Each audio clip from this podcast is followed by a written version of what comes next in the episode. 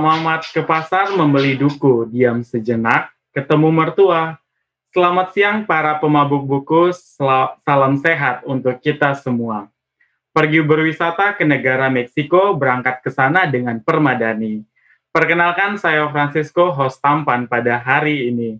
Selamat siang dan salam sejahtera untuk kita semua. Halo, Sobat di Mabuk Buku di mana pun uh, kalian berada, perkenalkan saya Francisco dan tim di Mabuk Buku. Pada siang hari ini kembali lagi dengan kalian semua untuk membahas buku-buku yang tentunya sangat menarik dan layak untuk kita bahas atau diskusikan. Pada hari ini kita akan membahas buku mengenai yang sangat relate dengan kehidupan kaum milenial saat ini maupun seluruh masyarakat yaitu mengenai uh, perjalanan wisata.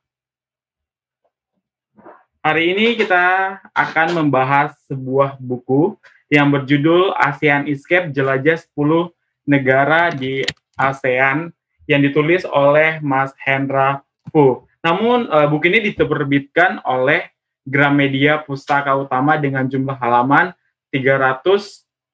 336 halaman terbitan tahun 2016.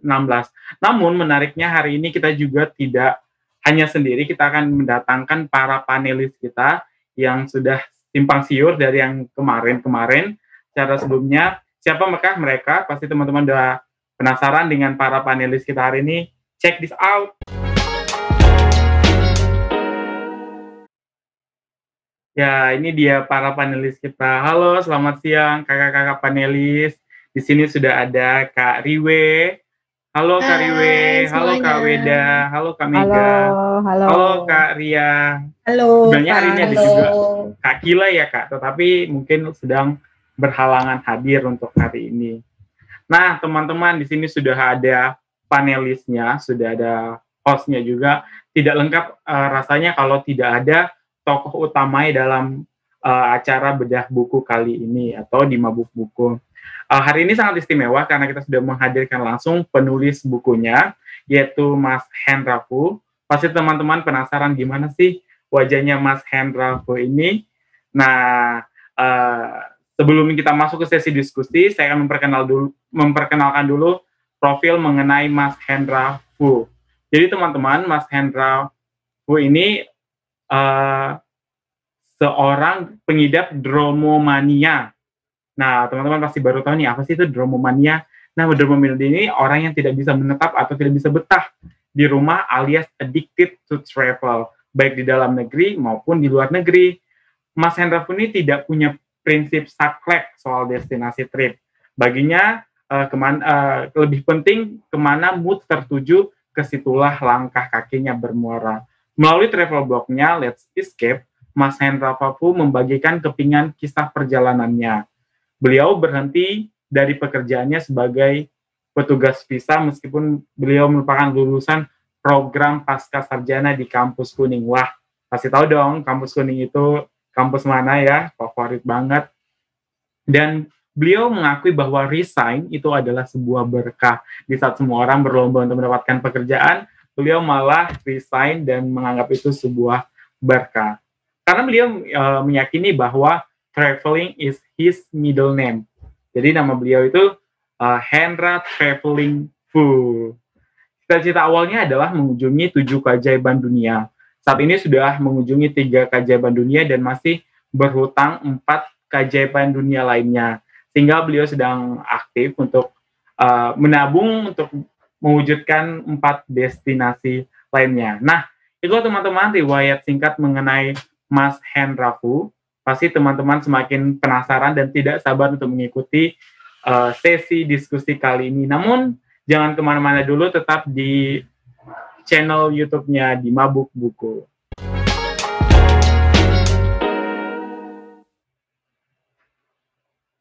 Halo teman-teman, ya kembali lagi dan kita akan mengundang secara langsung Mas Hendra Fu.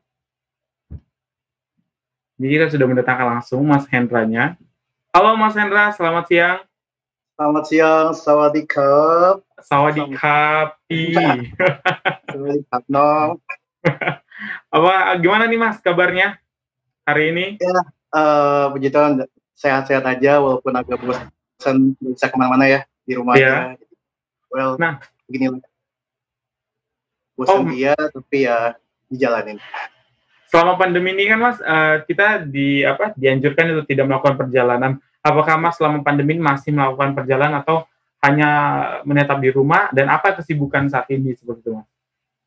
Uh, so far saya masih melakukan perjalanan ya, perjalanan ke minimarket, ke supermarket, ke pasar, cari makan, that's it gitu kan. Cuma di lain itu juga saya uh, saya senggangkan waktu untuk sekali-sekali uh, nulis buku kebetulan sekarang lagi nyoba bikin proyekan novel fiksi. Jadi mm -hmm. ya we'll see nanti. Gitu. Itu wow. pencobaan produktif di masa pandemi seperti ini. Berarti meskipun di masa pandemi mas tetap menulis ya mas? Iya harus. banget. Keren, keren, ada dapur yang harus ngebul. Ya nih mas Hendra bukunya saya lihat sangat menarik ya Asian Escape jelajah 10 negara Asia Tenggara. Wow.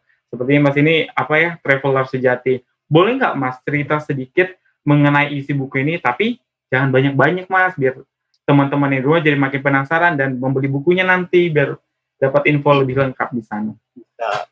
Ya, uh, jadi uh, Asian Escape jelajah 10 negara di Asia Tenggara itu bercerita tentang uh, petualangan saya di 10 negara di Asia Tenggara. Itu tahu tahu semua ya negara mana aja.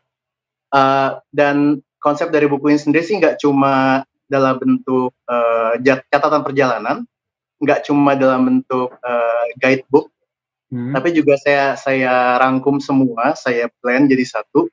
Terus juga ada semacam uh, little tipsnya, like fun fact-nya seperti itu. Jadi saya bikin bukunya itu lebih ke apa ya, lebih ke milenial ya. Jadi kayak apa yang mereka uh, teman-teman perlukan itu ada semua Jadi, oh berarti masing-masing negara ini dilengkapi ya gimana budgetnya, mana destinasi yang wajib dikunjungi gitu. Betul sekali. Wah, keren sekali, Mas. Nah, kenapa sih Mas dulu awalnya terinspirasi untuk menulis buku ini? Uh, memang saya dari kecil kan hobinya nulis gitu ya. Dari ya. kecil udah ditutukin majalah, majalah buku tau kan. Jadi nah, ya. dari itu udah pengen banget, ih pengen sih ke kalau ke toko buku gitu ngelihat ada buku gue terpampang di sana. Oh. Nah kebetulan juga awal-awal tahun 2010-an itu uh, memang lagi hobi-hobinya bikin travel blog gitu kan. Jadi hmm. saya nulis dan begitu saya sudah menghatamkan 10 negara di Asia Tenggara, saya mikir kenapa nggak dijadiin buku aja ya daripada cuma uh, ngamprak di blog. Orang bisa buku blog saya, tapi semua orang bisa ketemu buku untuk di buku dan tahu perjalanan saya. Jadi yaudah, enggak namanya ketemu kurang lebih seperti itu. Wah. Wow. Kalau boleh tahu nih mas, pertama yang mas kunjungi apa nih? Ya seperti teman-teman pada umumnya ya pasti Singapura, Malaysia karena itu paling dekat dan uh, nah. paling gampang dituju gitu kan dan nggak perlu visa terus juga yang nggak ribet bahasanya sama kita masih bisa pakai bahasa Indonesia dan mereka masih bisa ngerti makanannya juga kita kurang lebih sama lah uh, di TSG kita seperti itu di Singapura, Malaysia baru lanjut coba ke Thailand dan merambah ke negara-negara lainnya. Oke. Okay sangat menarik ya uh, mencoba destinasi yang terdekat dulu ya Mas. Sebenarnya nih Mas, teman-teman yang di rumah udah makin penasaran nih dengan isi bukunya, dengan bocoran bukunya. Uh, sebentar lagi kita akan lanjut ke sesi dengan para panelis. Mungkin panelis kita ini udah pada nggak sabar nih, wajahnya udah kayak, oh udah menyiapkan pertanyaan nih tentang isi buku Mas.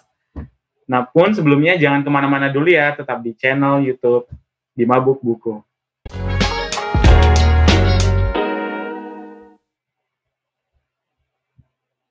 Nah, teman-teman, kita kembali lagi dan hari ini kita sudah seperti yang tadi sudah memperkenalkan para panelis. Kita memberikan kesempatan nih kepada para panelis kita untuk menanyakan mengenai isi buku ini dan mengorek-ngorek mengenai buku yang ditulis oleh Mas Hendra Fu. Mungkin para panelis yang ingin bertanya mengenai isi buku ini? Oke, aku dulu deh. Oh ya. Ya, Oke okay, ya, Mas Hendra, halo. Halo. Nah, Mas Hendra, kalau Mas Hendra pergi jalan-jalan itu apa sih yang dicari dalam tanda kutip?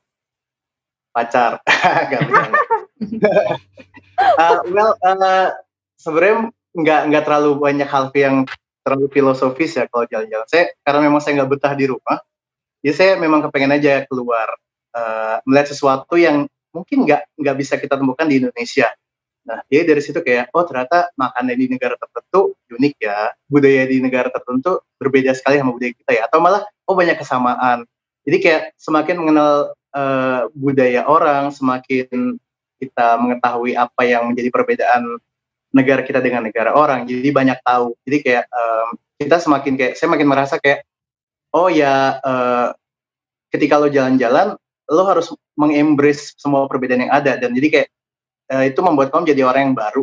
Jadi kamu bisa belajar toleransi terhadap perbedaan. Jadi kayak kamu membangun diri kamu mem, mem, apa ya membuat diri kamu menjadi uh, pribadi yang lebih tolerir pribadi yang yang lebih kaya akan pengetahuan. Seperti itu sih menurut saya. Ya saya hmm. begitu. Oke. Jadi sebelum berangkat itu Mas Hendra lebih ke untuk menentukan destinasi karena oke okay, kebetulan ada tiket murah pergi atau memang karena ada itu tadi misalkan oh karena mau cari pacar cewek cantik-cantiknya di sana gitu atau yeah. karena mau makan tertentu jadi harusnya ke sana gitu. Ya uh, jawaban pertama sih yang lebih terutama ya karena saya kan uh, bukan tipe yang saya pengen ke sini karena begini secara particular peculiar gitu ya. Hmm. Jadi kayak biasanya saya tuh suka iseng kayak lagi lagi gabut lihat-lihat tiket gitu kan. Eh, tiket ke sini murah nih tanggal segini bulan segini gitu kan. Jadi terbangnya dari sini. Ya udah mumpung ada uangnya, jadi saya langsung saya booking aja gitu. Jadi nggak ada nggak ada kayak uh, alasan tertentu kenapa mau ke sana. Oh, baru risetnya belakangan setelah punya tiket. Iya, betul sekali. Yang penting beli dulu, yang penting nyesel beli tiket daripada nyesel nggak beli, gitu kan? Iya, iya. Oke, oke. Berarti lihat promo dulu nih ya, Mas. Kayak, aduh, mana nih yang lagi murah gitu. Hunting terus promo, tiket promonya. Gitu. Iya, berarti naked traveler gitu ya, Mas. Beli dulu nanti ya, risetnya ke mana. Iya. Perkara dapat visa harus antar, yang penting beli dulu tiketnya. Nah, uh, berarti itu uh, traveling pertama kan Mas itu ke Singapura itu ya. udah punya paspor dulu baru beli tiket atau beli tiket dulu baru ngurus paspornya kemarin? Uh, kemarin sih kebetulan beli eh sorry uh, bikin bikin paspor dulu ya punya paspor dulu baru hmm. tiket waktu itu karena uh, waktu itu memang ketika mau beli tiket kamu harus punya nomor paspor untuk dimasukkan ke ah, webnya. Oh, iya, iya. We have no choice gitu. Terus, beli tiketnya dulu. Uh, beli bikin paspornya dulu. Oh iya iya. Oke, baik. Uh, panelis yang lainnya mungkin Kak Wede ingin menambahkan lagi? Udah. Ada, ya mungkin Kak Ari ada yang mau ditanyakan Kak? Oke, aku mau tanya ke Mas Hendra nih. Halo Mas. Halo Mbak Bari. Ini Mas, kan aku pernah baca di suatu artikel atau di bukunya Mas ya lupa deh. Pokoknya aku pernah baca kalau Mas Hendra ini nggak mau disebut sebagai backpacker Nah, kira-kira kenapa tuh, Mas? Uh, sekarang kan orang-orang tuh kayak berlomba-lomba gitu ya, pengen melabeli diri mereka kayak uh, copper back, copper packer, flash packer, terus kayak gambel packer gitu, gitu kan. Ada juga yang uh, melabeli dirinya saya ini backpacker, gue ini traveler gembel gitu kan. Saya kalau ke mana-mana harus on budget, semakin murah atau semakin kecil budget yang dikeluarkan, itu semakin traveler sejati lah gue gitu kan. Hmm. Nah kalau saya sih nggak mau kayak gitu gitu ya. Saya sih lebih kayak ya ketika ada masanya kamu berhemat ya berhemat. Tapi ketika ada masa kamu pengen menikmati liburan ya nikmatilah. Jadi uh, bukannya lo jalan-jalan terus yang kayak cuma di depan tempat wisata terus foto terus pindah gitu. Enggak. Kalau saya lagi bete ya saya juga ke bioskopnya negara tertentu. Kayak saya sering tuh waktu di Bangkok atau waktu di Peru malah kan itu juga niat banget nyari bioskop yang berbahasa Inggris demi nonton film yang baru rilis waktu itu. Hmm. Bahkan kayak sempat terakhir tuh waktu film Avenger ya Infinity War itu saya niat-niatin tuh lagi di Eropa tuh waktu itu. Jadi mana bioskop di Eropa ini yang paling murah yang bisa gue samperin gitu kan. Dan waktu itu lagi di uh, Swiss. Nah, mungkin dong nonton di, di Swiss kan mahal banget tiketnya sampai 30 euro atau Swiss franc akhirnya dapatlah di Lituania. Kita itu cuma kayak 6 euro alias kayak ya 75 ribu 80 ribu. Akhirnya ya udah waktu mampir di Lituania niat dia beli demi nonton premiernya Avenger Infinity War. Gak jelas kan? Tapi gitu jadi kayak liburan ya nikmatin aja ya. Lu pengen nonton ya nonton. Jadi kalau misalkan uh, pengen nonton berarti ada budget yang harus dikurangin. Jadi kayak oke okay, berarti nggak boleh beli jajan di luar, masak karena budgetnya udah dipakai untuk nonton. Jadi kayak balancing aja liburan. Jadi seperti itu. Jadi saya saya kayak bilang saya mau bilang um, I'm not a backpacker karena I enjoy my trip more than maybe everyone does. Kurang lebih seperti itu. Oke. Okay. Berarti uh, yang penting dinikmati aja lah ya, uh, seperti kehidupan pada biasanya gitu, ya kan? Setuju sih yang itu, setuju banget. Tadi ke sana bukan cuma karena minim budget ya mas, tapi meskipun kita itu dadakan, meskipun kita apa uh, dadakan di tiketnya, cuman tetap kita harus memiliki range waktu untuk mengumpulkan uang gitu ya mas. Betul sekali. Iya. Dan kenapa? Ya. ya dilanjut gimana? Oh, berarti kita ke sana juga Mas ketika traveling misalnya ke Bangkok, ke Thailand, tidak hanya menempatkan diri Mas sebagai wisatawan aja ya, tetapi juga bagaimana ber apa berperilaku layaknya masyarakat lokal kalau mau ke bioskop Betul. ya ke bioskop gitu ya. Iya, iya kalau saya juga sering kayak misalnya kayak ke Bangkok atau kayak lagi di Myanmar gitu, lagi pengen jajan, saya nggak mau pergi ke pasar yang banyak turisnya. Saya lebih kayak hmm. nyari-nyari belusukan, masuk-masuk gang gitu kan, cari yang pasar yang banyak orang uh, orang lokalnya yang nggak bisa bahasa nggak bisa bahasa mereka tapi yang pasti mereka pasti bisa lah satu dua uh, bahasa yang kayak berapa harganya berapa ini berapa gitu kan. Kayak ya bahasa konversasional sehari-hari gitu. Jadi yeah. ya lebih seru kayak gitu sih gitu kan. Jadi kayak uh, bersentuhan dengan masyarakat lokal langsung. Berarti pakai apa mas gerak-gerik gitu ya mimiknya gitu yang dimainkan. Wah, asik banget gitu ya. Harus patut dicoba mungkin ya kakak-kakak panelis juga. Mungkin misalnya mencoba terinspirasi dari bukunya Mas Hendra Full. Uh, Kak Ari uh, ada yang mau uh, Kak Ari tadi ada yang mau disampaikan lagi Kak mungkin ditanyakan lagi uh, udah sih mungkin yang lain nih kayaknya udah ngebet banget iya udah ngebet banget nih, nih. ada nih Kak uh, Riwa uh, Kak aku deh Kak Riwa ya Kak, ya. Kak Mega Kak Mega Oke, okay.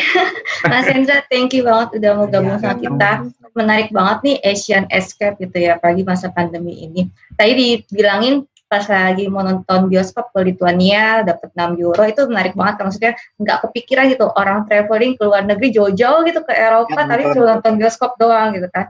Nah kalau kita bicara ke ASEAN-nya nih kan negara-negara ASEAN mungkin sedikit lebih mirip dengan Indonesia ya karena ya berbeda tapi ada kemiripan lah ya. Nah, apa sih yang menariknya dari negara-negara itu yang membuat kamu senang banget itu jalan-jalan ke negara ASEAN? Uh, Ada yang menarik kan seperti tadi pergi ke bioskop tapi di Eropa, tapi kalau yang di negara-negara ASEAN ini dari negara Myanmar, Thailand, Kamboja yang sudah kamu datangi, apa nih yang paling menarik yang membuat pengalaman itu tidak tidak terlupakan dan beda banget dari traveler lainnya? Um, sebenarnya sih justru kalau saya bandingkan ketika traveling ke benua lainnya dan di Asia, benua Asia, justru lebih banyak keragaman atau warna-warni yang ada di Asia, khususnya Asia Tenggara gitu ya. Hmm. Karena um, contohnya dari makanan gitu. Makanan lidah kita cocok gitu ya. Jadi kita nggak kebanyakan milih. Kalau kayak pergi keluar kayak ke benua sebelah gitu ya, Eropa, kan ada banyak banyak makanan yang kita nggak cocok di mulut. Kan. Tapi kalau kayak di Asia, di negara mana sih yang yang, yang makanannya nggak cocok sama kita? Gitu. Semuanya pasti cocok. Gitu kayak terutama kayak misalnya di Thailand siapa sih yang nggak tahu kuliner Thailand gitu kan itu apa aja tuh enak gitu di sana terus juga uh, misalkan kayak di Vietnam Vietnam juga kulinernya juga enak terus untuk berbicara soal alam eh, negara-negara di Asia Tenggara tuh itu diberkahi banget dengan alam yang luar biasa. Jadi um, misalkan kayak di Myanmar ada gunung-gunung bukit di Filipina Filipina juga saingan soal pantainya sama negara kita Indonesia. Terus juga kayak misalkan di um, Kamboja, uh, Thailand, Vietnam, mereka juga punya banyak sekali candi-candi atau bangunan-bangunan um, bersejarah dari uh, dari zaman kerajaan dulu yang ternyata saling terkoneksi satu sama lain gitu. Itu itu menarik buat saya, saya pribadi gitu ya. Dan um, misalkan pun bahkan di negara Brunei Darussalam sekalipun yang mungkin kata orang ih ngapain sih lu ke Brunei itu kan kayak negara super kecil ya terus kayak mau ngapain di sana nggak ada apa-apa kalau kata mereka ternyata ada hal menarik juga yang saya temukan di sana di sana banyak orang Jawa kan.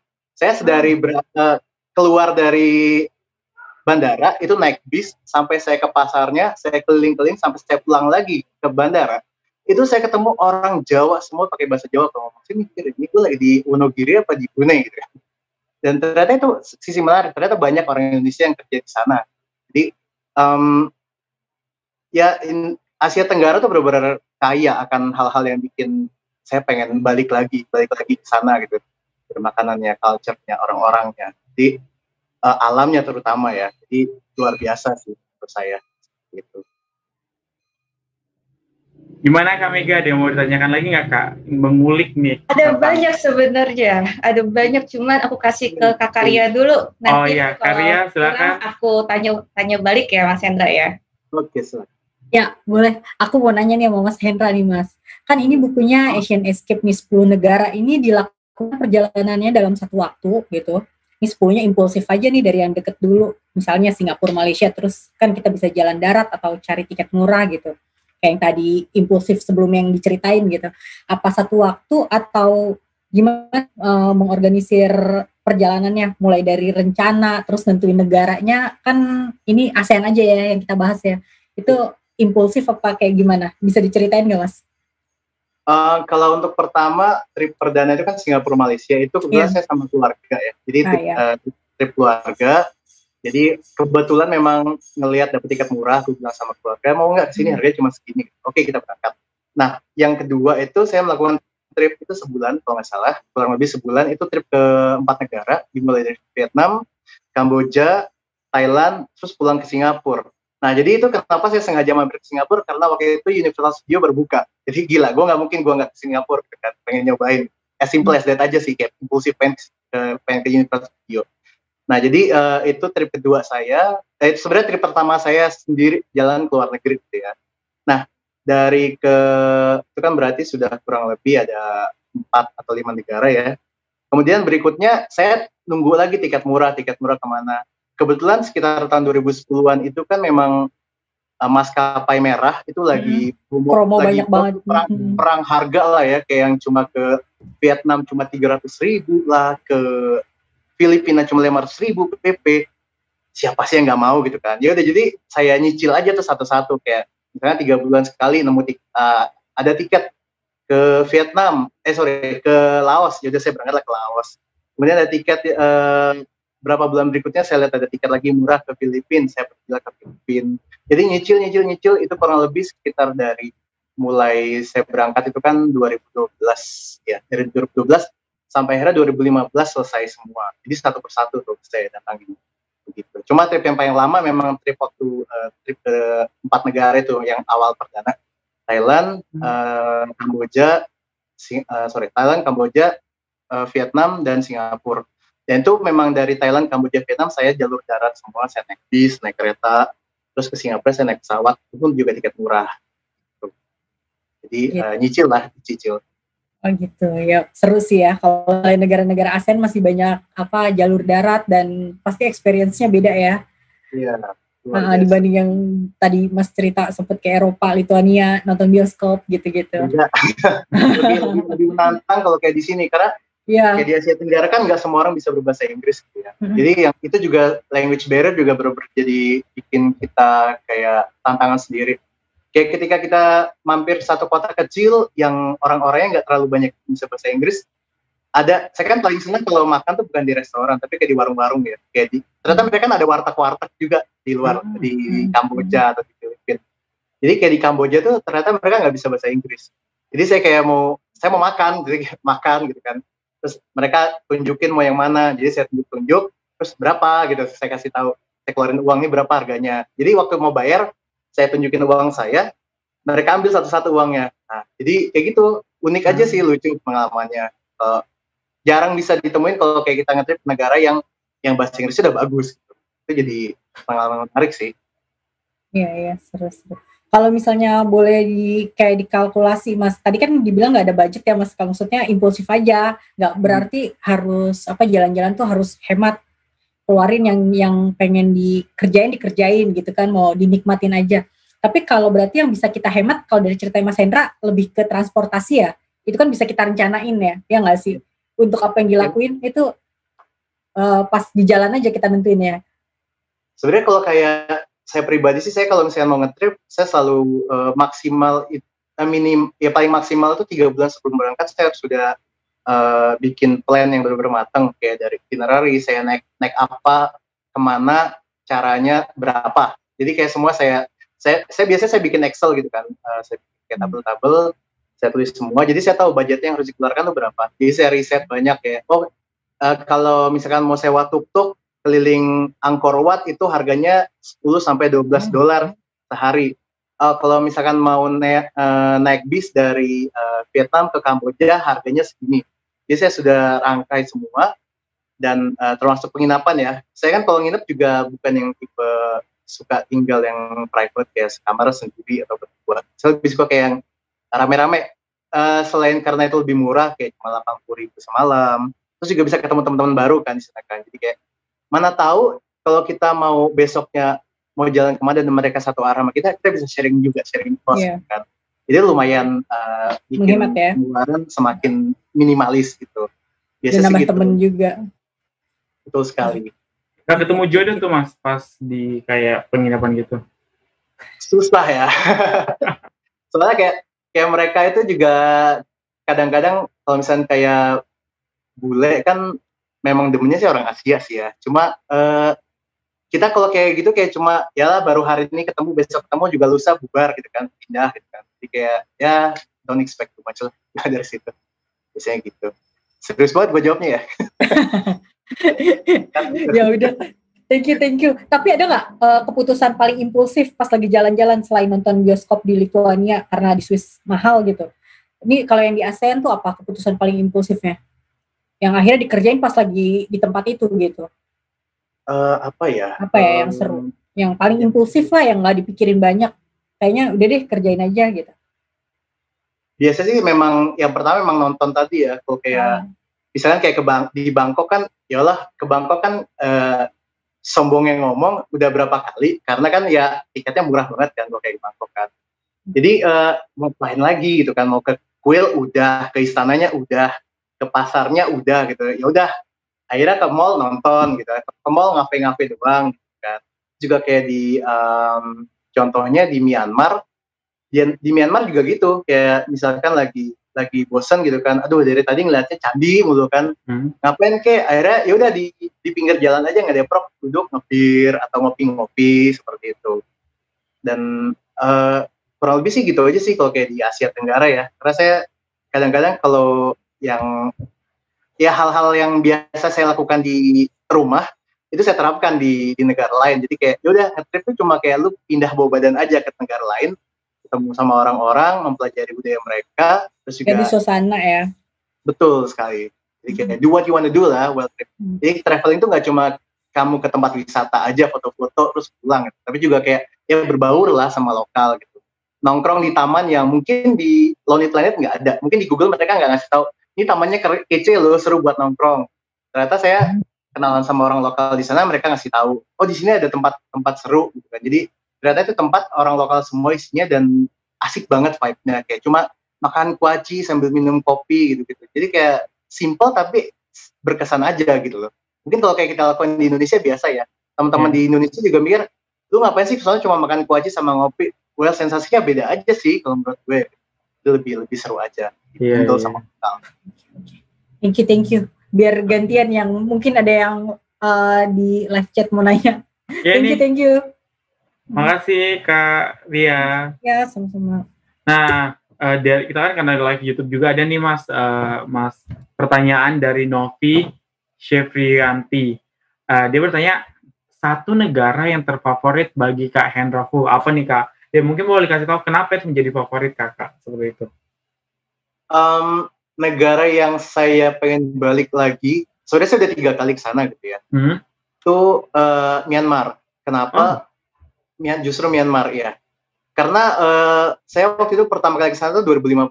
Jadi itu masih pakai visa gitu ya. Karena ternyata enam bulan kemudian free visa. Jadi waktu saya pertama kali ke sana, itu saya benar-benar ngerasain saya ditarik mundur tahun 60-70. Jadi begitu saya sampai di bandara, saya keluar, terus saya ngeliat orang-orang masih pakai sarung, masih pakai bedak dingin yang di muka itu kan. Dan hmm. mereka masih yang pakai sepeda ke mana-mana, terus mereka bawa rantang, jadi mereka masih bawa rantang. Saya kayak, ya udah dari tahun berapa gue nggak ngeliat orang bawa rantang ke mana-mana gitu kan jadi menarik ngeliatnya ke sana itu Dan, di pusat kotanya gitu mas iya di pusat kota di wow. ibu kota kota terbesar Yangon itu masih seperti itu gitu kan kemudian enam bulan kemudian saya berangkat lagi ke sana itu karena pas lagi free visa dan kebetulan ada kota-kota yang sebelum kunjungi ketika saya sampai ke sana itu udah mulai mereka kayak berbenah diri dan kayak benar-benar mengejar ketertinggalan mereka karena memang kan uh, saat itu sudah mulai free visa untuk banyak negara dan uh, kayaknya investasi masuk benar-benar bertubi-tubi di situ ya. Jadi kayak begitu udah masuk, anjrit orang-orang tuh pada pakai iPhone, gitu kan. Terus juga yang pada mulai orang-orang tuh uh, mulai sedikit yang pakai sepeda. Makin banyak di jalan raya itu yang biasa saya lihat orang-orang sepedahan, mulai banyak motor, mulai banyak mobil. Dan kemudian saya pergi lagi setahun kemudian, itu udah bener-bener yang banyak kafe-kafe, orang-orang nggak hmm. nggak banyak lagi yang nongkrong di warteg-warteg yang pinggir jalan, mereka lebih suka nongkrong di kafe. Sudah mulai banyak mall seperti itu. Jadi kayak um, wajah Myanmar yang dulu saya lihat wajah yang kayak masih uh, gadis desa yang masih alamiah, masih yang kayak hmm. like seventies gitu ya, itu mulai berubah perlahan-lahan. Jadi kayak um, saya merasa cukup beruntung pernah melihat wajah orang Myanmar yang asli saat pertama kali datang jadi kalau saya mau per, saya pergi ke sana lagi nanti mungkin akan makin banyak yang berubah gitu loh. Yeah. Iya. Jadi uh, menarik dan nggak cuma dari orang-orangnya aja, uh, terus juga dari culture-nya, agamanya. Mereka tuh sangat agamis gitu ya orang-orang hmm. sana. Jadi um, mau dari um, di dalam perut gua terdalam, gunung paling tinggi sampai uh, tanah lapang yang paling luas itu mereka punya kuil. Mereka selalu menaruh membangun kuil-kuil Contohnya kayak di Bagan. Bagan itu terkenal sebagai negeri seribu candi. Itu benar-benar kalau kita ke sana, itu hamparan berhektar-hektar tan itu lahan, itu kuil semua candi-candi. Dan juga mereka punya patung Buddha tertinggi di dunia. Hmm. Terus juga di dalam gua-guanya juga mereka masang kayak patung-patung Buddha. Jadi bagaimana mereka merespek agama mereka untuk mereka uh, aplikasikan di tiap-tiap uh, apa namanya alam mereka gitu wilayah alam mereka kayak gunung di pantai di uh, lahan-lahan dataran tinggi atau rendah jadi sangat menarik buat saya gitu melihat culture mereka begitu mereka adore their God so much.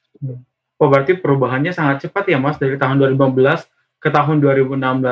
Tapi ya sih iya. mas sangat beruntung bisa merasakan keasliannya gitu sebelum menuju yeah. peradaban yang lebih modern gitu mas.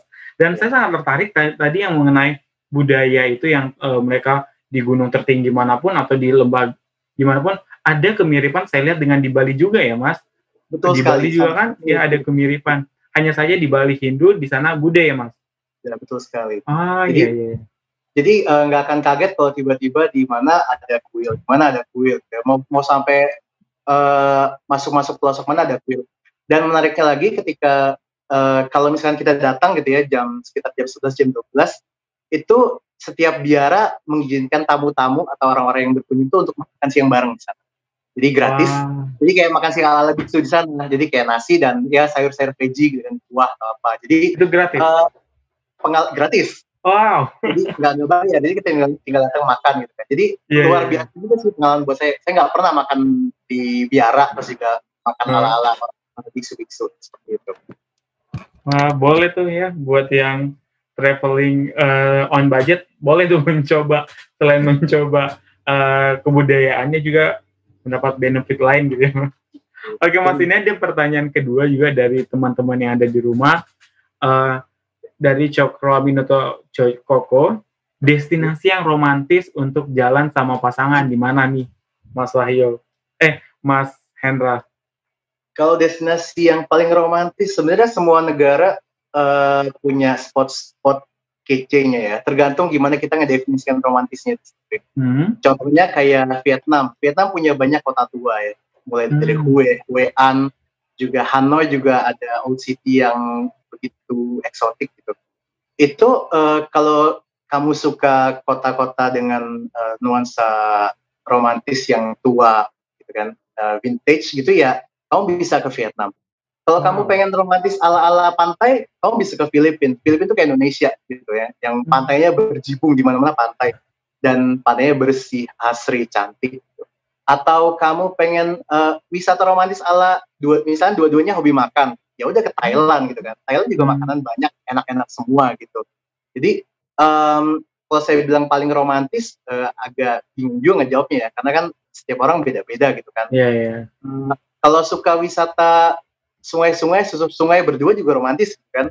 Pergi yeah, yeah. ke Vietnam ada sungai Mekong Kamboja juga betul seperti itu. Jadi tergantung definisi uh, ya uh, sukanya masing-masing deh romantisnya mau yang seperti apa Ya berarti kembali lagi ke preferensi masing-masing pasangan ya Mas. Nah Betul. buat teman-teman ini tips nih yang sesuaikan preferensi kalian baca buku uh, ASEAN Escape ini. Jadi teman-teman boleh tahu gimana konsep dan tema dari masing-masing negara di ASEAN biar nggak salah memilih gitu.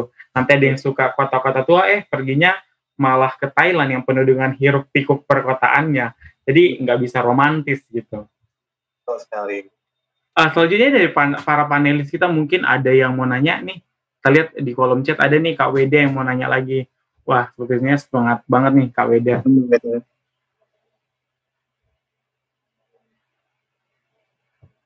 Oke, Mas Hendra, uh, terima kasih mau menjawab pertanyaan saya.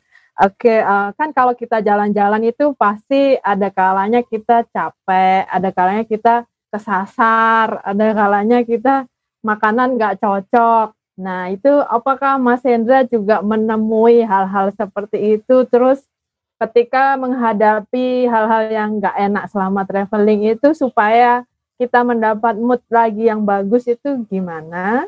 Terus uh, satu lagi sekalian tanyanya, Uh, kalau uh, Mas Hendra bilang di Asia Tenggara itu kan tempatnya mirip-mirip ya. Di Bali juga ada sawah, di Vietnam ada sawah, di Filipina ada sawah. Terus kenapa kita harus pergi jauh-jauh gitu? Terus di Banjar juga ada pasar terapung gitu kan? Di Thailand juga ada. Nah itu gimana pendapat Mas Hendra soal ini? Oke, uh, untuk pertanyaan yang pertama dulu, uh, gimana caranya uh, memaintain mood ya ketika liburan. Mm-hmm. Saya pernah waktu yang trip satu bulan itu ke Thailand, Kamboja, uh, Vietnam, itu dari Kamboja ke Vietnam kan saya lewat jalur darat. Jadi itu saya harus masuk uh, kantor imigrasi dari uh, keluar dari Kamboja menuju Thailand. Itu satu kan, kantor imigrasi itu kecil banget. Dan saya kaget begitu masuk uh, mau masuk itu itu bukannya masuk dulu. Jadi dari dari pintu masuk kantornya itu adalah kayaknya satu kilometer antrian panjang gitu ya. Dan itu panas di luar, nggak ada kanopi, nggak ada apa, dan orang pada duduk nyemper. Terus saya sampai satu setengah jam di luar nungguin demi paspor saya dicap untuk masuk ke uh, keluar dari Kamboja menuju uh, menuju Thailand. Sudah gitu di dalam di dalam kantornya pun juga saya masih harus ngantri lagi selama setengah jam. Saya bingung ini uh, apa karena turisnya yang lagi membludak atau memang saya datang pas jam lagi rame atau lagi peak uh, dua negara itu saya nggak tahu apa. Jadi mood saya tuh bener-bener rusak gitu ya iyalah satu setengah jam lo ngantri berdiri di di lapangan kasar ngomong gitu kan. Cuma demi keluar uh, masuk ke negara tertentu gitu kan. Nah jadi itu bener-bener yang begitu saya sampai Thailand sampai Bangkok itu saya bener-bener uh, saya kan punya catatan saya harus ngapain ke mana besok gitu kan. Itu saya taruh saya saya taruh di meja seharian itu saya nggak ke mana-mana, saya tidur aja di, di hostel. Oh bukan, saya waktu itu uh, booking hostel awalnya kan, ya. saya booking hostel. Uh, begitu sampai sana mood saya sudah rusak kan, dan hostelnya itu awalnya saya yang satu uh, satu kamar tuh berdelapan orang. Saya langsung minta upgrade, saya bilang saya mau pindah ke kamar private yang sendirian kata saya. Jadi saya langsung upgrade. Saat itu juga saya di kamar aja seharian nonton TV lah, terus keluar cuma buat beli makan terus pulang lagi. Jadi baru saya uh, mood saya saya perbagus. Terus saya keluar um, kalau orang-orang tuh pada ke candi ke mana ya? Saya ke itu ke kafe si uh, Putri Duyung Ijo gitu kan. Saya di sana saya beli green tea latte udah duduk aja sambil nongkrong ngeliatin orang lewat sana sini. Jadi bener-bener I don't give a bla bla bla soal candi apa segala macam. Gue cuma pengen uh, ngembalin mood dulu jadi begitu udah seharian itu saya benar menikmati, oke, okay, uh, eh, capeknya udah hilang, moodnya udah mulai baik. Besok baru saya uh, hari berikutnya saya keluar, baru saya cari, saya ambil uh, list uh, perjalanan saya, baru saya lakukan itu. Jadi ada saatnya ketika kamu udah kayak capek atau kamu lagi kayak kan kadang orang uh, biasanya kalau karena kita cuma punya waktu sedikit nggak merugi ya pokoknya hari ini harus ada 20 tempat disamperin gitu kan. Hari ini harus mengunjungi ini ini nih. Hari ini harus foto di sini sini sini. Uh, bagus sih memang kalau ada ide seperti itu. Cuma ada kalanya ketika kamu sudah moodnya lagi nggak bagus, tinggalkan dulu aja gitu. Jadi kalian uh, enjoy apa yang kalian melakukan. Kalian mau kayak cuma ngafe aja, ngopi-ngopi, ya duit gitu loh. Nah, balik kembalikan moodnya dulu. Gitu. Saya sering melakukan itu, kayak seharian saya nggak ngapa-ngapain, atau seharian saya cuma, ih pengen nge-mall ah gitu kan, pengen kayak lihat-lihat barang atau pengen nonton gitu kan. Jadi uh, saat itu juga baru moodnya kembali lagi. Jadi um, ada hal yang kayak yang mungkin kita bisa lakukan di Indonesia, lakukannya di sana gitu. Cuma buat kayak ya menghilang menghilangkan rutinitas traveling uh, selama sehari dulu. Dan untuk yang pertanyaan kedua tadi apa Mbak Beda saya lupa. Ya, yang kedua itu kenapa kita harus coba jalan-jalan ke negara-negara oh, itu oh, kalau ya. mirip-mirip ya. Hmm. Nah, uh, ambil contoh misalkan kayak di uh, Vietnam, Kamboja, Myanmar, dan Indonesia gitu ya. Kan mereka punya candi ya satu tahun dan itu candi Buddha gitu. Candi Buddha, candi Hindu itu ya bentukannya sama lah kayak di Angkor Wat misalkan di Kamboja itu nggak jauh beda sama candi Prambanan gitu kan. Nah, kompleks candi yang luas gitu kan. Dan ketika kita ke Thailand itu ada satu tempat kompleks candi juga namanya Ayutthaya. Itu juga candi-candi merah kayak candi candi-candi di Indonesia juga banyak kan yang candi batu bata ya peninggalan kerajaan Majapahit dan sebagainya atau misalkan jangan cuma candi kayak sawah. Di Filipina ada sawah gitu kan. Yang sawah Benawe atau apa saya lupa namanya. Dan juga di Filip uh, di Myanmar ada sapa. Itu kayak hamparan sawah bertingkat kayak yang ada di uh, Bali ya di di Ubud. Nah itu kenapa sih lo harus ke sana? Padahal udah pernah ke sini gitu ya ayo ah, udahlah udah ngeliat candi di Vietnam ngapain gue harus ngeliat candi lagi di Kamboja? Well uh, kalau kamu ke sana tanpa ada referensi bacaan yang memadai itu memang akan ngelihat candi sebagai tempat-tempat yang sama gitu ya. Cuma kalau misalkan kayak kamu udah baca dulu ya misalkan sebelum saya ke Ayutthaya saya baca-baca itu referensi oh ternyata di Ayutthaya ini dulu sempat digempur sama kerajaan Myanmar gitu kan. Uh, jadi um, ada kayak perang antara satu uh, negara satu dan negara lain, mereka menggempur uh, situs-situs uh, religi yang ada di negara-negara itu. Jadi dari situ uh, kita jadi kayak punya uh, insight yang beda terhadap tempat itu. Gitu. Dan misalkan kayak di Bagan gitu ya, di Bagan Myanmar itu kan memang candinya ada ada seribuan gitu ya. Candinya ada seribuan. Kamu kalau seharian di sana cuma pengen foto-foto doang mungkin kayak uh, ya capek gitu yang kayak aduh udahlah selesai selesai foto candi udah kelar capek gitu. Cuma ketika kamu tahu ada referensi buku yang kamu baca, oh ternyata di sini ada, ada histori yang seperti ini. Oh di sini menariknya nih candinya karena uh, ada nilai begini, ratunya begini, ini begini. Kalau kamu agak hmm. detail ngelihat candi di uh, Kamboja, misalnya di Angkor Wat itu, itu ada satu kompleks di mana candinya tuh bentukannya tuh uh, muka rajanya semua gitu ya uh, hmm. atau apa gitu ya. Hmm. Nah itu itu kan menarik gitu ya. Yang itu siapa sih kenapa uh, itu muka dia di situ semua gitu kan? Itu ada kayak ada puluhan muka-muka itu itu tuh bentuknya muka semua kan itu menarik gitu ya. Hmm. Gak ada di Indonesia candi seperti itu. Gitu. Hmm. Dan contoh lagi candi yang sempat dipakai untuk uh, syuting Angelina Jolie, Lara Croft itu hmm. Taprom yang candi yang dibelit sama akar ya hmm. mungkin kita nggak bisa nemuin itu di negara lain gitu ya kayak misalnya di Indonesia so far saya belum nemu sih atau mungkin saya memang agak kurang minim informasinya. Mungkin ada juga kayak di um, yang dibeli itu selain di Ayutthaya juga ada.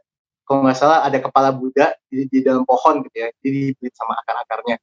Itu kan uh, kalau kamu cuma datang ke sana buat foto doang kayak kamu nggak ya udah foto selesai pindah gitu. Padahal kalau kamu tahu ceritanya itu menarik sekali. Ternyata itu kepala Buddha sempat hilang dulunya. Dan tiba-tiba ketika pohonnya tumbuh kepalanya keluar dari jadi kan itu menarik ya. Jadi nggak cuma yang kamu foto-foto aja gitu. Jadi kenapa harus uh, mengunjungi semua tempat-tempat itu karena kamu harus baca dulu gitu. Itu ada apa di situ? Yang menarik apa? Yang istimewanya apa? Nah, pasti kamu akan ngelihat tempat itu sebagai tempat yang berbeda dari, daripada tempat yang lainnya walaupun secara template sama seperti itu kurang lebih. Hmm, Oke, okay. berarti meskipun mirip-mirip beda juga gitu ya? Betul. Jadi okay. ada sejarah latar belakangnya yang berbeda. Hmm. Terima kasih Mas Hendra. Ada mungkin Kak Mimin mau nanya lanjutan. Iya, boleh aku nanya lagi Mas Hendra yang menarik banget nih omongan kita apalagi mengenai travel dan kita udah menggebu-gebu banget pengen traveling juga gitu kan. Uh, tapi Mas Hendra bilang setiap mau, mau travel kan persiapkan diri ini dulu buat kayak bikin Excelnya, persiapan uh, budgetingnya, tapi persiapan juga nggak sih dirinya dalam hal kayak misalkan belajar bahasanya gitu karena tadi bilang setiap negara di ASEAN bahasa Inggrisnya kan masih kurang ya masyarakatnya. Terus tadi di awal juga Mas Hendra kayak udah menyapa kita Sawadikap gitu kan. Berarti apakah itu awalnya tuh udah dipelajari dulu sebelum datang ke Myanmar jadinya bahasa-bahasa keseharian supaya tidak mempersulit nanti pada masa travelingnya. Itu yang pertama. Lalu yang kedua, uh, selain bahasa ada nggak sih budaya lain yang harus kita pelajari sebelum mampir ke negara-negara tersebut supaya kita menjadi traveler yang baik gitu nggak traveler yang asal-asal urakan aja nggak menghormati budaya lain karena kalau ada orang asing datang ke negara kita yang seenaknya juga kan kita nggak suka ya gitu. Sementara kita Mas Hendra sebagai traveler sejati ini yang udah sering banget ke ASEAN banyak banget gitu. Ada nggak sih picking gitu beberapa budaya yang bisa di-share ke teman-teman jangan seperti ini loh eh, bawa nama negara Indonesia supaya menjadi traveler yang baik di, di mata masyarakat lokal di sana. Gitu sih dari aku. Oke. Uh, untuk bahasa memang uh, antara wajib nggak wajib ya, karena memang beberapa negara memang uh, bahasa Inggrisnya masih sangat minimalis. Saya sih biasanya uh, saya pelajari beberapa kosakata yang memang harian pasti saya pakai gitu kayak berapa, kemudian angka. Biasa angka sih saya kayak saya selalu hafalkan kayak neng som sam siha gitu kan. Satu dua tiga empat lima dalam bahasa uh, Thailand gitu. Terus juga menyapa ucapan terima kasih atau nanya di mana. Jadi kayak eh, kata-kata harian yang memang gampang diingat gitu ya. Karena eh, biasanya kalau eh, kayak waktu saya pergi tiga negara itu kan banyak yang harus saya hafalkan gitu. Jadi saya cuma ya itu berpatokan pada kosakata kosakata yang biasa pasti saya pakai itu akan saya tulis.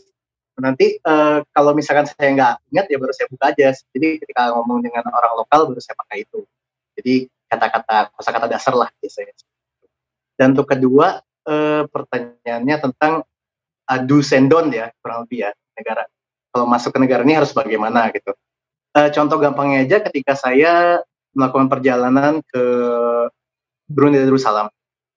Saya ini sebelumnya waktu uh, Brunei kan kebetulan uh, negara yang saya taruh paling terakhir ya waktu melakukan perjalanan ke sebuah negara di Asia Tenggara karena itu kan kecil terus juga yang kayak terus ngapain di Brunei itu kan nah jadi sebelum berangkat ke Brunei itu saya kalau teman-teman yang di Facebook atau di Instagram pasti tahu saya tuh kalau ngetrip pasti suka pakai kutang gitu ya. kayak pakai kaos uh, tangan buntung gitu itu karena memang negaranya kan panas banget ya kayak misalkan Thailand, Kamboja, Vietnam itu panasnya panas jadah gitu ya, panas humid, panas kering itu nyampur semua jadi satu. Jadi saya paling suka pakai uh, kaos-kaos kutang karena ya kalau melihat bule-bule kan mereka ke mana-mana pasti pasti pakai kaos kutang gitu. Hmm. Jadi saya mulai suka pakai kaos kutang seperti itu. Nah tapi begitu sam begitu saya mau melakukan perjalanan ke Brunei Darussalam, saya baca-baca beberapa referensi, memang mereka untuk aurat baik pria maupun wanita sebaiknya ditutup di, uh, ketika anda berjalan ke public area, ya, mau ke mana pun kayak misalnya mau ke pasar atau jalan-jalan gitu ya kayak jalan umum. Itu tetap harus pakai ya at least kemeja lah atau jaket gitu. walaupun itu panas di sana gitu kan. Tapi ya saya saya coba pakai saya, saya selalu pakai jaket gitu. saya pakai celana uh, ya celana tiga perempat atau celana pendek nggak apa-apa. Cuma sebaiknya sih memang celana panjang. Jadi kayak uh, ada etika tidak tertulis ya yang uh, berlaku di Brunei Darussalam itu sendiri. Kayak ya berpakaianlah sopan bahkan untuk pria sekalipun. Jadi uh, cowok aja nggak boleh pakai yang kelihatan-kelihatan uh, armpitnya atau gimana, apalagi perempuan gitu kan. Jadi di situ salah satunya. Terus kalau untuk negara-negara lain, so far kurang lebih karena kita sama-sama negara berbudaya timur di Asia Tenggara ini semuanya, um, kurang lebih sama lah kayak di Indonesia gitu. Kayak ada beberapa tempat yang kalau kita masuk kita harus pas sendal atau yang kita harus mengucapkan salam. Terus um, yang istimewa sih kayak di Thailand sih. Karena kalau ketemu orang kan uh, kalau kita kan nggak pernah yang kayak halo gitu kan ya. Dan mereka kalau ketemu orang tuh selalu gini gitu. Jadi kayak um, kayak menunjukkan respect. Baik itu ke seumuran di bawah umur atau yang lebih tua. Itu juga satu hal menarik sih yang saya saya pelajari ketika saya jalan-jalan ke Thailand. Atau kayak misalnya ke Vietnam, Kamboja dan lain-lain ya so far kurang lebih sama uh, kayak yang biasa kita lakukan di Indonesia. Jadi um, mungkin lebih ke kalau kayak tempat wisata yang candi-candi ya, karena itu kan uh, wisata religi jatuhnya ya. Itu ya hmm. setidaknya jangan pakai tanah panjang, harus pakai tanah, eh, jangan pakai tanah pendek, harus pakai tanah panjang. Terus juga baju uh, kalau bisa ya uh, baju ini aja baju rapi ber, berlengan, jangan pakai yang lengan buntung atau gimana seperti itu. Jadi kurang lebih sih culture-nya sama uh, culture timur yang ada di Asia Tenggara seperti itu. Ya berarti bisa dibilang gini ya mas, meskipun uh, uh, culture-nya sama, cuma kita tetap melihat adat istiadat yang di sana. Mungkin perlakuan untuk kita berwisata di Brunei agak berbeda dengan ketika kita ke Thailand. Sama aja dengan di Indonesia ya mas, kalau mungkin di Bali uh, bisa nih agak terbuka, tapi kalau kita misalnya ke Aceh, disarankan untuk lebih tertutup. Ya, iya, jadi sekali. Uh, kita juga harus bijak lah, harus ada riset dulu, itu penting banget ya mas. Iya, ya di mana bumi dipijak di langit dijunjung kalau gitu lah. Ini Mas ada ada pertanyaan juga dari teman-teman di mabuk buknya di rumah. Dari Ida MP kota atau daerah mana sih kak yang kira-kira cocok untuk pelajar atau mahasiswa yang haus dan penasaran dan nggak bikin bosen gitu? Pertanyaannya. Kota yang nggak bikin bosen ya? Hmm. ini pertanyaan terakhir kita hari ini. Oke. Uh, kalau kota yang nggak bikin bosen sih subjektif mungkin ya seperti itu ya. Oh, iya. Karena uh, setiap orang pasti punya ya tadi saya bilang preferensi masing-masing gitu. Kalau untuk saya pribadi, kota yang saya mungkin nggak akan bosan bolak-balik walaupun ya saya nggak tahu mau ngapain lagi di situ ya. Hmm. Itu Bangkok sih. Like everybody loves Bangkok so much gitu ya. Ya, ya lu cuma jajan-jajan doang aja udah seneng gitu ya. Kayak cuma beli sate. Padahal ya Allah di uh, di kota kita juga banyak yang jualan sate-sate bakar gitu kan. Yeah. Tapi kenapa bisa vibe-nya beda gitu sama Indonesia ataupun di Thailand gitu. Jadi um, kurang uh, Bangkok sih biasanya saya yang kayak saya kayak udah lebih dari lima kali ya kalau misalnya lima kali wow. lebih gitu. Kayak sekarang pun kalau misalnya saya pergi ke Eropa misalkan ya, itu saya kalau biasanya saya transisi di Malaysia di Kuala Lumpur, sekarang saya selalu cari penerbangan yang gimana caranya saya harus transit di Bangkok gitu. Nah, saya pengen kuliner gitu. Kayak misalnya di Eropa saya ya Allah makan nggak jelas gitu kan di sana kan. Ya saban hari gue harus masak indomie, masak nasi apa segala macam. Jadi pokoknya at least gue pulang harus ke Bangkok dulu. Gue mau apa refresh my mouth gitu.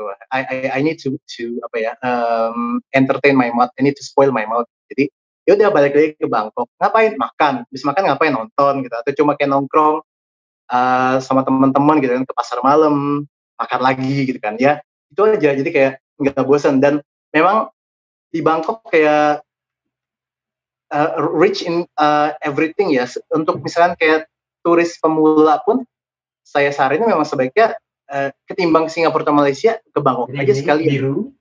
murah gitu kan murah. Terus juga kayak orang-orang juga udah uh, sangat melek pariwisata.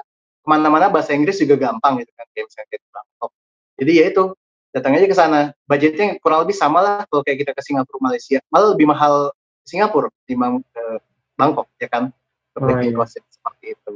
Jadi kalau dari uh, buat tadi penanyanya Ida, uh, recommended nih Bangkok karena mungkin lebih cocok banget juga ke kaum milenial dan punya akses ke sangat banyak dan Betul. kulinernya juga banyak nih bisa dicoba. Kebetulan saya uh, baru sekali ke Bangkok, eh, itu pertama kali perjalanan luar negeri dan sangat recommended. Bulan dua kemarin pas pandemi ke sana. Hmm. Ya, jadi menarik sih tempatnya, tapi saya belum eksplor banyak nih. Ya mungkin itu dulu Mas pertanyaannya karena uh, nanti kalau kita lanjutkan terus sampai besok nih selesainya. jadi terima kasih ya buat teman-teman antusias. Maaf jika pertanyaannya tidak bisa semua dibacakan. Terima kasih juga pada panelis ya sudah bertanya. Nah Mas, uh, pertanyaan terakhir nih dari saya. Kira-kira uh, boleh kasih tahu nggak Mas, ada nggak sih sekarang bocoran proyek buku yang akan digarap seperti yang Mas singgung tadi di awal? Boleh kasih bocorannya? Um, untuk sekarang sih uh, proyek yang mungkin bentar lagi akan publish yaitu ada buku perjalanan saya tiga bulan saya lakukan perjalanan ke empat benua waktu itu ya jadi Asia Amerika Eropa dan juga ke Australia New Zealand. Itu perjalanan ya uh, tiga bulan keliling dunia lah ya. Wow. around the world in 80 days 90 days seperti itu. Itu sedang digarap uh, sudah masuk ke penerbit. Mungkin uh, doain aja supaya cepat publish ya. Dan uh, selagi menunggu itu publish saya juga masih uh, saya juga melakukan uh, penulisan untuk fiksi. Jadi saya mulai coba uh, nyicip-nyicip nih uh, ranah genre baru di penulisan kayak seru nggak sih kalau nulis fiksi gitu.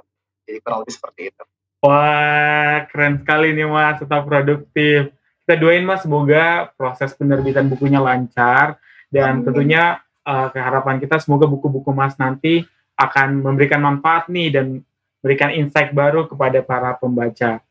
Baik Mas, terima kasih untuk Mas Hendra yang sudah menyempatkan waktu berdiskusi bareng bersama kelompok di Mabuk Buku. Terima kasih juga buat teman-teman di Mabuk Buku yang kepo dan juga para pemirsa sekalian di seluruh Indonesia. Semoga diskusi kita siang ini bisa bermanfaat dan menjadi inspirasi buat teman-teman semuanya. Terima kasih Mas Hendra. Terima kasih, Mas Hendra. Nah, teman-teman pecinta buku sekalian, uh, jika teman-teman ingin terus mendapatkan update dari Mas Hendra Fu mengenai uh, aktivitas travelingnya maupun uh, buku yang sudah terbitkan, boleh banget nih di follow akun Instagramnya @tukang.minggat. Nah, namanya juga keren tukang minggat. Dan jangan lupa pula follow akun Instagramnya di Mabuk Buku dan subscribe dan komen akun YouTube di Mabuk Buku ya, biar semua orang mendapatkan info dan insight yang baru. Teman-teman kita pantau terus topik obrolan selanjutnya minggu depan di IG at di Mabuk Buku. Jaga kesehatan dan tetap jaga buku. Sebelumnya saya akan menyampaikan pantun, pantun sebagai penutup. Main ke sawah bersama Andini, tidak lupa memakai kerudung. Demikianlah acara ini, terima kasih sudah bergabung. Makan siang di halaman pekarangan, minumnya di atas batu. Mohon maaf atas segala kekurangan. Sampai bertemu di lain waktu. Terima kasih, Mas. Terima kasih buat semuanya. Thank you. Ya, aplaus dulu. Teman-teman di rumah. Ya, yang udah join juga. Thank you. Bye-bye. Bye.